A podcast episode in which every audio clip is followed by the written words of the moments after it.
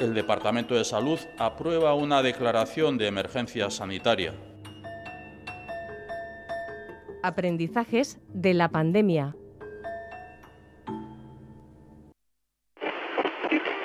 Ayer falleció la primera persona eh, portadora del coronavirus en Euskadi. Eh, no hay profesionales para contratar. Siempre que me hacen esta pregunta digo que si alguien conoce a alguien que esté en paro, que le ofrezca venir a Osakidecha. Si hubiera profesionales para contratar, por supuesto que les contrataremos ahora, en otoño, en invierno. A nadie nos resulta fácil limitar nuestra actividad social, pero hay que elegir entre ese mínimo sacrificio o volver a tener entre nosotros el virus en nuestras personas queridas con las consecuencias que tiene de enfermedad. Estos datos muestran sin dudas que nos estamos enfrentando a una segunda ola epidémica del coronavirus. El virus sigue con la... Tras la ciencia y la justicia, hoy dedicamos nuestros aprendizajes de la pandemia a la política y lo hacemos con la exconsejera de Salud del Gobierno vasco, Nekane Murga, eh, que llegó, como seguro recuerdan, al Departamento de Salud tras la dimisión de su antecesor, de John Darpón. Eh, llegó en marzo de 2019 a una legislatura a la que le quedaba poco más de un año y quién le iba a decir que se iba a encontrar con lo que se encontró eh, un año después, más o menos. ¿Cómo recuerda, señora Murga, los, los primeros días? Y bueno, mejor dicho, primero los anteriores, ¿no? Cuando empezó a hablarse de ese virus chino que aquí nos llegaba con, con cuentagotas. ¿Cómo, ¿Cómo recuerda aquellos momentos? Recuerdo la incertidumbre. Recuerdo que revisaba el boletín de la OMS, donde se publicaba a diario el número de nuevos casos en China y en los diferentes países eh, cómo eh, las imágenes que veía en televisión y en redes sociales de China no se correspondía con el número de infectados y cómo se estaba empezando a escapar de las fronteras. Ante esto, la incertidumbre de realmente qué es lo que llegaría. ¿Y cuándo se dan cuenta de que esto va en serio? Nosotros intentamos ser eh, proactivos, eh, poniendo sobre la mesa posibles escenarios de diferente gravedad eh, de la pandemia. Y esto lo realizamos eh, previamente, durante el mes de eh, febrero fundamentalmente, unos planes de formación, aprendizaje y compra de materiales, unos planes de UCI, de las urgencias, de los centros de atención primaria. Y esto era, vamos a decir, un poco ficción posible, Realmente, eh, cuando nos dimos cuenta que el virus había entrado en Chagorrichu y estaba dentro de un hospital y afectando a pacientes y a profesionales y extendiéndose de una forma muy silenciosa, pero llegando a muchas personas, en ese momento eh, yo al menos fui plenamente consciente de que realmente la situación iba a ser mucho más grave. Esto creo recordar que fue el último día de febrero o el primero de marzo. ¿Y qué sensación eh, tiene entonces en ese momento en la cabeza? Porque a toda la sociedad nos entra, bueno, pues una sensación de miedo, de lógico pánico, que después hemos ido más o menos controlando, pero a quien en ese momento es la responsable de salud de, Euskadi, eh, ¿también le entra esa, esa sensación de miedo, de angustia? Bueno, en ese momento miedo o angustia no fue, fue responsabilidad. Me di cuenta que eso que yo creía que iba a ocurrir lo tenía que transmitir a la organización y que esos planes que se habían hecho, vamos a decir, un poco teóricos y haciendo suposiciones, debían eh, ya eh, llevarse al terreno y, y ver que en poco tiempo era posible que se necesitaran como así fue. ¿Y cómo se gestiona ese momento? ¿Qué, hace uno que se pone, no sé, delante del ordenador con el equipo y dice, bueno, ¿qué vamos a hacer? Porque eh, los planes que teníamos ahora mismo quedan mm, pues, eh, totalmente eh, viejos, caducados y mm. tenemos que poner en marcha eso, la gestión de una pandemia. Bueno, los planes nos sirvieron. Lo que realizamos durante el mes de febrero de planificación fue muy útil y yo creo que es, eh, esa capacidad de adelantarnos fue muy importante para lo que ocurrió después. Lo que hicimos el equipo en su conjunto es identificar personas clave y puntos clave. Por ejemplo, en las UCIs reunimos a todos los eh, responsables de las UCIs y les explicamos lo que podía venir y que esos planes que ya habían realizado se juntaran y trabajaran en red. Fuimos también eh, con los responsables de atención primaria para crear esos centros de referencia para ya llevarlos a la práctica y hacer esa sectorización en los centros de atención primaria. También fuimos a las urgencias para empezar a sectorizar y separar aquellas zonas en las que iban a ir las personas infectadas y no infectadas. Acudimos a los laboratorios, punto clave, y para ello la red de diagnóstico biológico trabajando en red fue de gran utilidad. Entonces lo que hicimos fue identificar puntos claves y personas profesionales clave porque yo puedo tener un conocimiento de mis años de trabajo en, en ambulatorio, en, en, UCIs, que he hecho muchas guardias en UCI, en, en planta, pero claro, eh, yo eh, necesitaba en ese momento confiar en las personas que tenían el conocimiento y así lo hicimos, en las personas de salud laboral, en las personas de preventiva.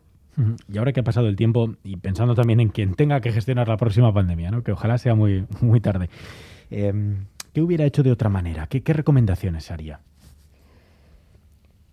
Una de las cosas que me ha sorprendido es que somos capaces eh, de saber el genoma del, virus, qué genes tiene, su RNA mensajero, y sin embargo las vías de transmisión y las situaciones de riesgo eh, fue muy tarde cuando lo conocimos. Así que los consejos hacia la población y hacia los propios profesionales han sido en algunas ocasiones contradictorios.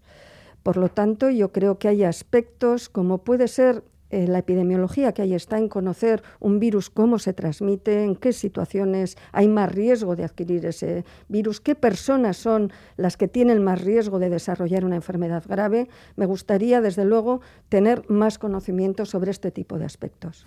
Em, y pediría quizá más personal. Eh, no sé si tanto en cuanto a hospitales, porque ya lo decía y lo escuchábamos antes, ¿no? Usted decía, si alguien conoce ahora mismo una enfermera, un médico, por favor, que, nos llame y que venga a trabajar, pero incluso en la gestión política eh, de la pandemia, entiendo que todo el departamento como pasa en los hospitales, ¿eh? se tiene que volcar en esto de la pandemia y tienen que dedicar el 100% de su tiempo, y a mí me cuesta que muchas personas, además de, del departamento, y creo que usted, pues no sé cuánto tardó en tomarse un día de descanso, no sé si nos lo puede decir. Bueno, cuando dejé de ser consejera, me tomé un día de descanso. Claro, porque es así, ¿no? Trabaja todos los días, todos los días, de lunes a domingo. Bueno, cuando estás eh, viendo una situación así, te consideras afortunada de poder trabajar y su departamento hace un enorme esfuerzo. Quizás eh, mirando otra pandemia ¿eh? haría falta más personal, más gente, gestionar de otra manera, no lo sé. Bueno, eh, tuvimos mucha suerte porque los propios profesionales se reorganizaron. Yo todavía recuerdo cuando había trauma, personas de traumatología tomando muestras cuando teníamos a las personas de los quirófanos haciendo una adaptación intensiva para ser capaces de estar en UCIs al 100%, como también nos ayudaron, no puedo olvidar, pues la Cruz Roja, Médicos del Mundo, el ámbito social. Por lo tanto, hemos contado con muchísimas personas, muchos voluntarios. Recuerdo también eh, cómo profesionales eh, de odontología aportaron su material.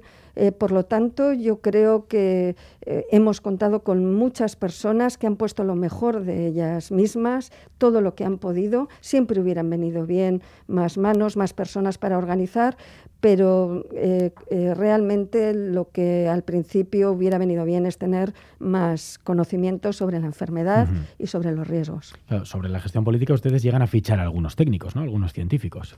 Bueno, nosotros, yo, mi teléfono siempre estuvo abierto a todo tipo de personas. Siempre pregunté por qué no se me cae ningún anillo, yo no sé de algunos temas, y llamaba a microbiólogos, a, preventivistas, a, las propias personas de formación de Osaquidecha para extender los planes. Eh, por supuesto que. Y me llamaban a mí y muchas veces recibía eh, mensajes eh, diciéndome cosas que funcionaban bien, cosas que se pensaba que había que cambiar. Intenté estar próxima a la organización y este, esta fue la forma de gestionar. Eh, eh, es cierto que en este momento el conocimiento es tan extenso y hay expertos de pequeñas áreas eh, que tienen mucho conocimiento de áreas muy definidas. Y entonces a la hora de definir cómo debe ser un material de protección, una EPI, pues hay que hablar con unas personas. A la hora de montar una red eh, de vigilancia epidemiológica para esta enfermedad, pues son otras. Y cuando mm, tienes que coordinar las UCIs, pues son otras personas. Por lo tanto, eh, tuvimos en cuenta la opinión y el apoyo de, de muchos técnicos, de muchos profesionales. No puedo olvidar también la red de, privada, como las clínicas, eh, las mutuas, eh, eh, apoyaron, estuvieron en todo momento tendiendo la mano, como tuvimos también las residencias, los médicos de Osakidecha que fueron de apoyo a las residencias. Por lo tanto, profesionales tuvimos realizando un trabajo excepcional. ¿Y los científicos o los técnicos deben, qué, relación tienen que tener con los políticos? ¿Deben también entrar de alguna forma en el gobierno eh, o no? ¿Cómo tiene que ser esa relación en una pandemia, me refiero? Eh? Yo creo que debe ser fluida, continua, tener ellos también capacidad de, en el momento que identifican algo, eh, contactar y, luego, pues es cierto que hay personas pues que tienen que decidir. y además en un momento así de incertidumbre, en el que igual había varios técnicos o varios que, me opinaban aspectos diferentes. Yo recuerdo el otoño eh, que en julio-agosto estábamos ya eh, valorando cómo hacer la campaña de vacunación de gripe, qué material comprar para las vacunas eh, del coronavirus, las jeringas, y te juntabas con tres o cuatro técnicos y entre ellos había quien pensaba que el, virus iba a tener una mutación y iba a desaparecer, quien creía que el virus de la gripe iba a vencer a este virus. Las opiniones era desconocido, la incertidumbre ha sido continua también para los propios eh, científicos y lo que hay que hacer es escuchar, tener en cuenta todas las opiniones y estar preparado. Después han encontrado muchos obstáculos, ¿no? ¿Y quién nos iba a decir que gestionando una pandemia uno de los problemas podía ser encontrarse, pues eso, encontronazos con la justicia? o incluso, por ejemplo, el, el, ocio, ¿no? Y usted lo decía, vamos a recordar unas declaraciones que hacía en agosto del año pasado. Quizá no soy capaz de transmitir que en este momento tenemos cuarenta y tantas personas en las UCIs luchando contra la muerte y que son personas que están entre 40 y 65 años. Cuarenta y tantas personas que se han infectado en los últimos 15 días, probablemente porque alguien ha estado de copas o ha estado en una reunión familiar. Usted ha hablado muy claro, muy clarito. sí, quizá sí es una de, de las cosas que caracterizó, es mi forma de ser. Eh, siento si en algún momento no transmití un mensaje correcto, siempre lo intenté, pensaba que la información iba a ayudar a la gente a realizar el sacrificio que yo veía que era necesario en aquel momento hacer, como así ha sido. Claro, porque había que luchar a veces contra el ocio y hoy seguimos luchando contra los botellones. Seguimos hablando de una orden para, hacer frente a los botellones o las aglomeraciones. ¿no? Eso no sé si se, lo puede esperar eh, una consejera, que al final si le va a llegar una pandemia, eh, uno de los enemigos vaya a ser el ocio. Tenemos una forma de relacionarnos de mucha proximidad.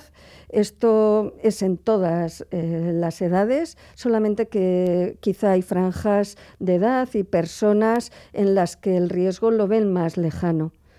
Pero yo creo que es una responsabilidad de todos y que hemos pedido un gran esfuerzo a toda la población y desafortunadamente se lo tenemos que seguir pidiendo. En su franqueza, como decía, a la hora de hacer esas declaraciones, siempre podía existir el equilibrio entre eh, cómo meter miedo a los imprudentes sin asustar a los que ya lo están pasando muy mal, ¿no? a los que ya lo están asustando. Entiendo que ese equilibrio no es fácil bueno, contando lo que realmente ocurría, ¿no? Que había en ese momento cuarenta y tantas personas en la UCI jóvenes, llegamos a tener 220 personas en la UCI, que todo ocurrió en 30 días, del prácticamente el 5 de marzo al 5 de abril pasamos de no tener ninguna persona en UCI a más de 200, a tener más de 1.500 personas ingresadas, y esto era algo que la población debía conocer. Y ahí está el papel también clave de los medios de comunicación y la relación del gobierno con los medios de comunicación. Eh, ¿Cómo diría que, ha sido? Porque usted al principio de la pandemia, si no recuerdo mal, daba ruedas de prensa todos los días o prácticamente todos los días. ¿Cree que hay que hacerlo así, que hay que dar toda la información, que hay que dosificarla? Eh, cuando a veces la información va llegando y además eh, va cambiando de un día a otro. Y lo hemos visto esta pandemia, lo que hoy es blanco, mañana es negro. Bueno, yo creo que la población tiene que entender esta incertidumbre, que no conocemos todo y que en cada momento hablamos de lo que conocemos y de lo que creemos que es mejor en ese momento. Yo pude dar mensajes al principio que realmente posteriormente eh, fueron diferentes, pero creo que lo que ha caracterizado a este gobierno, vamos a decir, o a este departamento, eh, ha sido intentar ser transparentes. Nuestros boletines de información sobre el número de personas infectadas, el número de personas que fallecían, el número de personas en, eh, por municipio, por centro de salud, ha sido ejemplar desde el primer momento. Hemos intentado siempre dar la información que teníamos y que esto ayudara a la población a, realizar ese sacrificio que, ya le digo, no nos gusta a ninguno que se tenga que hacer. Y es cierto, lo decía, eh, hay declaraciones que hicieron además algunas autoridades sanitarias, como por ejemplo eh, sobre las mascarillas, ¿no? Con esa incertidumbre que hubo en un momento, usted llegó a decir también que las mascarillas ahora mismo eh, perjudican y eso cambia, ¿no? Eso no, sé si de alguna forma se arrepiente de haberlo dicho o, no, porque era lo que en ese momento decían las autoridades. Por supuesto que me arrepiento, pero era el conocimiento que había en ese momento. En ese momento eh, se creía que la principal forma de infección era a través de las gotículas que caían y que era a través de las manos y que mm, realmente no quedaba como aerosoles en el ambiente. Esto es lo que decía la OMS en ese momento, decía también las autoridades sanitarias de todo el mundo.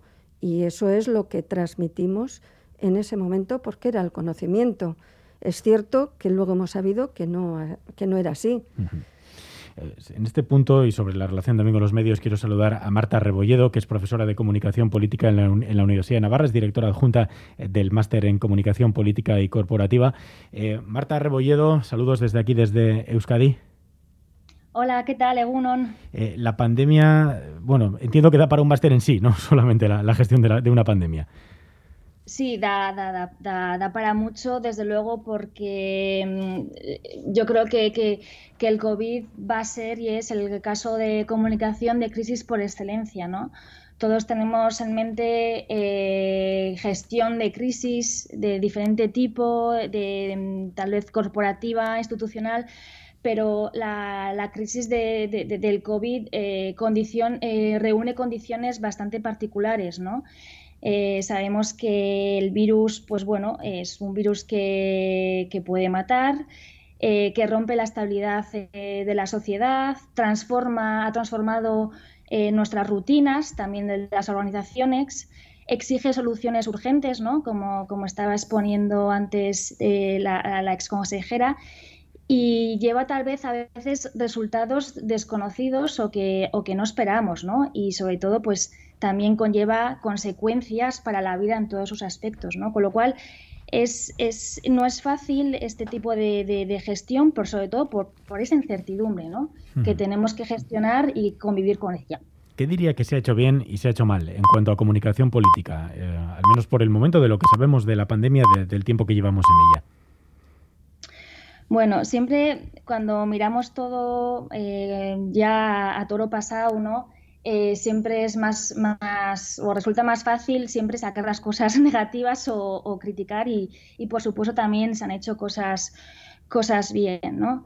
Eh, sobre todo en una situación de este tipo, lo más importante es estar todos a una y desde, desde la política precisamente despolitizar bueno, la situación y el mensaje. Eso ante todo, ¿no? Dejar, vamos a decir, las bueno, las redecillas o guerras ideológicas a un lado, eso es importante. Em, aspectos que, creo que bueno que se podrían haber mejorado en general o haber tenido más cuidado ¿no? es importante gestionar bien las expectativas eh, muchas veces en comunicación bueno pues de, gobierno se intenta también transmitir un, bueno, cierto eh, optimismo también, ¿no? Eh, muchas veces. Pero ojo con crear expectativas que igual son falsas precisamente porque no tenemos toda la información y porque no, no sabemos todo, ¿no? como, como hemos visto. con lo cual, gestionar bien las expectativas y, ser cautos. Otro aspecto también es cómo se transmiten las cosas, es decir, el foco, dónde ponemos el foco a la hora de comunicar. Y me explico con un ejemplo.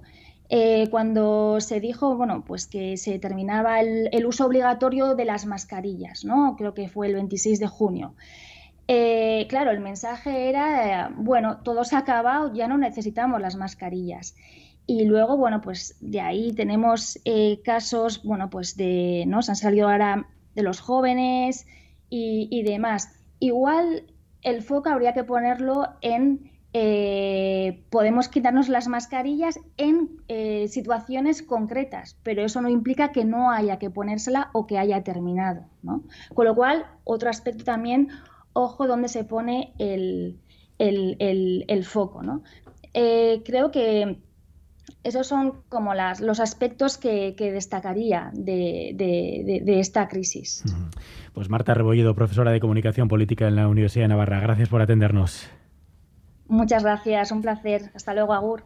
Y en la recta final, eh, Murga, ahora mismo también y de cómo estamos, eh, ¿Cree que quizá los mensajes políticos a veces son demasiado optimistas y quizá eso puede llevar a eh, comportamientos o a confusión en, la población? Y se lo pregunto por la ministra de Sanidad concretamente, ¿no? o por el gobierno. Cuando se hacen esos mensajes, gobierno español me refiero, en los que se, se, dice, bueno, ya nos podemos quitar las mascarillas, volver a sonreír, los estadios de fútbol van a volver a, llenarse, vamos a poder volver a hacer eh, vida casi normal y luego nos echamos las manos en la cabeza cuando vemos los botellones o cuando vemos a jóvenes haciendo vida normal.